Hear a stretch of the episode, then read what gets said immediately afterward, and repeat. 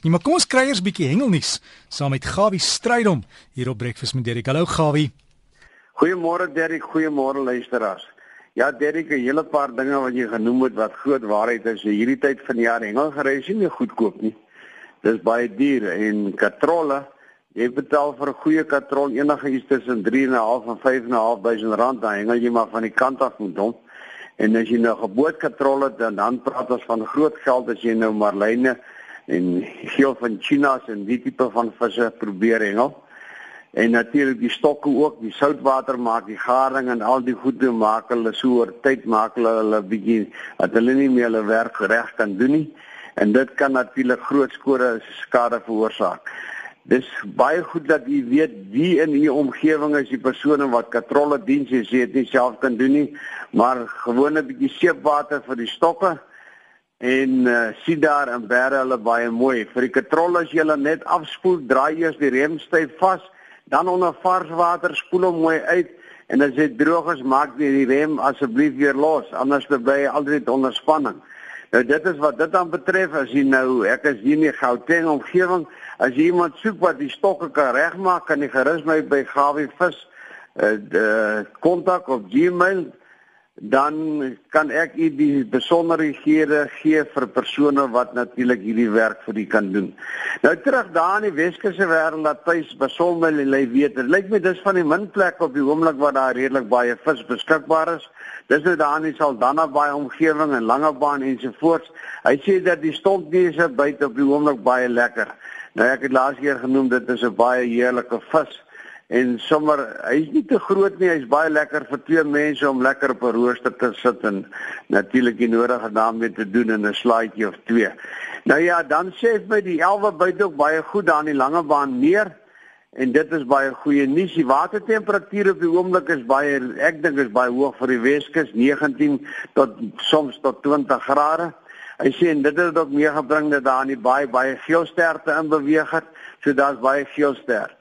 Hy sê maar die groot kommer en die probleem blykbaar nou nog steeds die viskwotas te wees en die permitte en wat op die oomblik soos ons genoem het 'n groot polemiek op die oomblik is.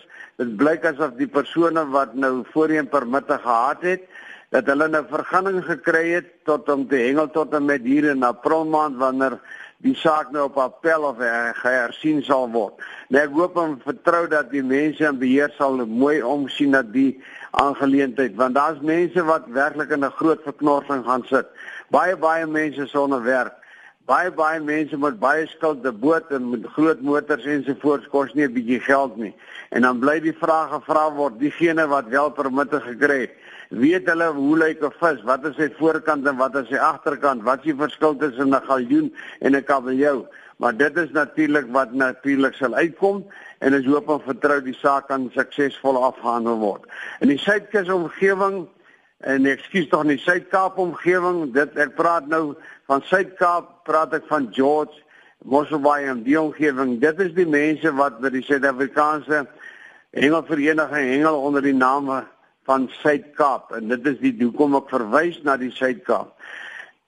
Daar is heelwat mosselkrakers gevang oor die afgelope tyd en ek hoop natuurlik julle het by julle kwotas gebly en natuurlik by die tipe A's ook want ek merk reeds as ek so rondgaan dat hierdie klein perlemoentjies wat hulle noem siffies wat nie toelaatbaar is om mee te hengel nie, bly weg van dit asseblief en bly by die voorgeskrewe A'se. En hier en daar is daar 'n kabeljou gevang en in die Nuisma meer is daar 'n paar knorre aan gevang en die word hoofsaaklik met sandkrewels wat daar gepomp word word gevang. Nou die stadium is daar geweldig baie water in die riviere.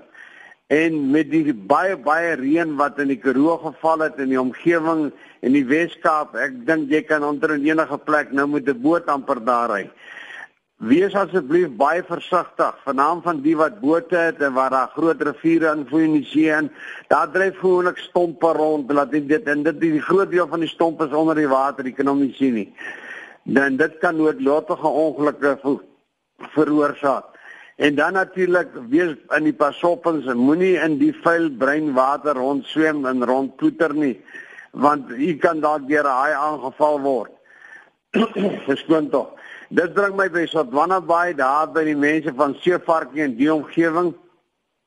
Hulle sê die meeste vakansiegangers is nou huis toe, maar steeds is daar nog baie marline in die omgewing en elke dag die mense wat uitgaan en skisto en poog om 'n marlyn te vang, die is baie suksesvol. Die geel van tunas het natuurlik so half verdwyn. En daar is op die oomblik ook nie baie barracudas wat gevang word nie. Maar ek verstaan dat Janie Nel op die boot My Lady het hierdie week 'n baie mooi groot een gekry en baie mooi gedoen Janie. Dan in die varswaterkant, die karpe byt baie lustig in die Valdam en hier kan by bykans enige plek kan jy daar gaan hengel en vanaand as jy jou lyne so 'n bietjie verder kan aanneem en ek praat nou van die manne met die aasbootjies, hulle het baie baie goeie sukses. Daar by die Sondagsrivier rivier daar in Port Elizabeth, ken die Drownman laat weet dat hulle het sommer die 24ste en 26ste Januarie het hulle daar 'n rivierkompetisie op die Sondagsrivier rivier en hier kan jy hulle klap aangaan kaartjies kry en meedoen aan die kompetisie. En hy sê kans dat Dirk Barnard my weet. Hy sê dat die vakansiegangers is ook nou weg.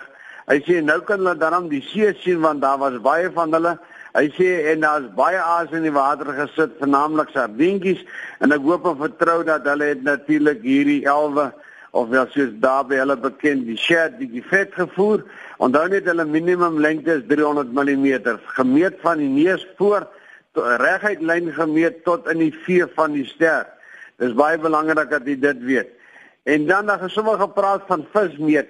Jy weet dit is absoluut noodsaaklik wees u as hengelaar moet natuurlik die vereistes hê van die plaaslike owerheid in die omgewing of die provinsie waarby jy hengel. Dat jy absoluut vertroud is en weet wat is die minimum lengte en wat is die maksimum hoeveelheid vis wat jy in die besit mag hê. Ek kan net vir u sê as dit praat van 'n aantal vis, daar's baie soorte vis wat jy byvoorbeeld 'n maksimum van 10 mag hengel. En ek praat spesifiek van die witstond nie as jy mag 10 hengel, maar jy mag nooit meer as 10 visse in u besit hê nie. En as jy 'n vis in u besit het, dan is dit baie belangrik die vis, jy mag hom skoonmaak, jy mag sy maag oopsny. Maar jy mag nie sy kop afsny en sy stert as nie. Dit kan jy eens doen as jy by die huis kom. Want as u gestop word of gevra word of wat om te kyk dat die ondersoek word en die word gevind dat die vis het. En sy sterters af sy kop af was maak dit vir die beampte onmoontlik om te bepaal wat is die lengte van hierdie vis. En dit maak dat u natuurlik nou in die moeilikheid gaan kom. Baie baie belangrik. Beskoon tog. Ek wil net sê dat ek 'n navraag gekry van Cecil Skeepers. Hy sê hoekom praat ek hier oor Makassa nie? Ek sal bietjie met oor julle op Makassa gesels. Dit is 'n wonderlike pragtige plek om te hengel. Maar Makassa 90% van dit moet jy bereid wees om 3-400 meter in die see in te stap as jy baie suksesvol wil wees. En dan moet jy natuurlik vir die groot wit daai moet jy besop want dit is hulle omgewing daai. Bongola Poortdam het Elsabie Jordaan laat weet die 17 en 18 Januarie is die jaarlikse tiervis bonanza en daar by Bota Shayaman se 1 en 2 Hulle het natuurlik al die lekker fasiliteite en jy kan natuurlik leerlik op so 'n boot hengel want daar's twee of drie bootjies wat saamgesleep word wat maak dat jy by die kleiner plekkies ook kan kom. Daar in die oostelike provinsie is dieselfde as wat gebeur in die oomblik daar in die Suid-Kaap waar die vis maar baie skaars is. Die water is baie skoon.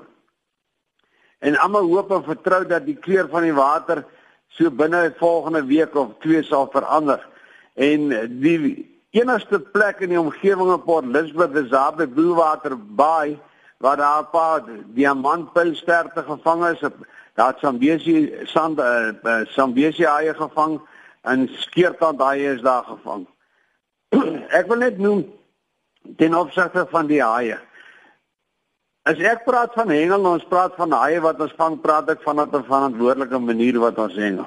As ons haie vang, dan word selfde as platvis, dieselfde as gewone eetbare vis. Hierdie vis word almal teruggesit in die water. Ons vang nie vis dat ons hulle deur 'n meeletjie kan sit en op roosters net kan sit nie. Dis die manne natuurlik 'n uh, uh, kabeljoutjie vang of wat ook al en hy wil hom gaar maak as hy heeltemal net bly binne perke. Maar sover platvis en haie aanbetref, hengel ons hierdie vis, hulle word nie geweeg nie. Hulle word nie op hulle rye neergesit nie. Hulle word nie op droë sand neergesit nie. Hulle word onmiddellik by sy neus en sy stert op 'n bepaalde plek 'n merk gemaak in die sand deur 'n stokkie daarin te steek wat die hengelaar saam met hom het. Die vis word onmiddellik omgedraai teruggesit in die water. So hierdie visse word hoegenaamd niks geen skade aangedoen nie. Want ek noem dit want meneer Giel Kloete het vir my SMS gestuur via Derek en wat hy baie bekommerd is oor die haie. En ek stem met hom saam, ons is net so bekommerd daaroor. En hy verwys na hoeveel van die haie jaarliks vermoor word. Dit is absoluut so en so het ek net so hekel teen dit. En dit is teen kiefnette, longliners ensovoorts en al hierdie goede en mense wat die visse vang en net die vinne afsny, teruggooi in die water en so gaan dit oor skulpaaie. En dit is nie net dit nie, dit is sommer die hele natuur wat dit aan betref. Ons glo aan merk en vrylaat en dit het ook natuurlik navorsing sal in staat gestel om baie goeie inligting te kry oor vis en hulle trek gewoontes hoe ver hulle in 'n sekere tyd beweeg en en wat is die omgewing wat hulle doen. So van my kant af wil ek sê van uh, georganiseerde hengelaar doen ons dit met groot sorg en absoluut sodat ons môre weer kan hengel in ons nageslag ook en dit is vir ons baie belangrik om na ons natuur en ons omgewing om te sien. Van my kant 'n lieflike dag, 'n mooi jaar, lekker hengel, groetnis en 'n lekker ontbyt vir julle Derry. Baie dankie Gawie Strydom ons hengel man en as jy hom wil kontak, nie sê oor hengel sake by jou Gawie vis sonder punt, jy skryf hom net so aan mekaar, Gawie vis by gmail.com en is Gawie Strydom